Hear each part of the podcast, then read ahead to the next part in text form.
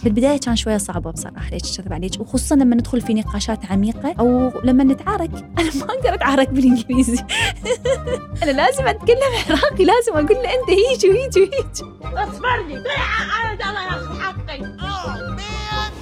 So in the beginning, it was very, very difficult. And I said to her, leave me, let me process it. I will take it as it comes. To be honest, I don't care if someone is Buddhist, if they're Christian, if they're Muslim. I respect everyone. I've always believed in God. Now it's just a bit different.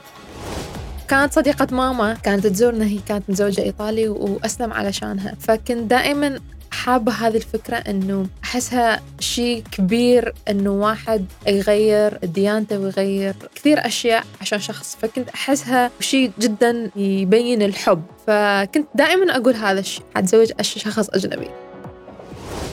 وألمان عقول يعني مختلفين كثير كثير كثير عنا خلص تجربة وعشتيها. إن كانت يوم أو يومين أو سنة سنتين عشتي حلوها ومرها وإذا النصيب أنها ما تكمل يعني. زواج مختلط. سلسلة حلقات جديدة في بودكاست صارت معي. برافقكم فيه أنا مها فطوم كل يوم جمعة الساعة 5 المساء بتوقيت الإمارات على راديو الآن وجميع منصات البودكاست.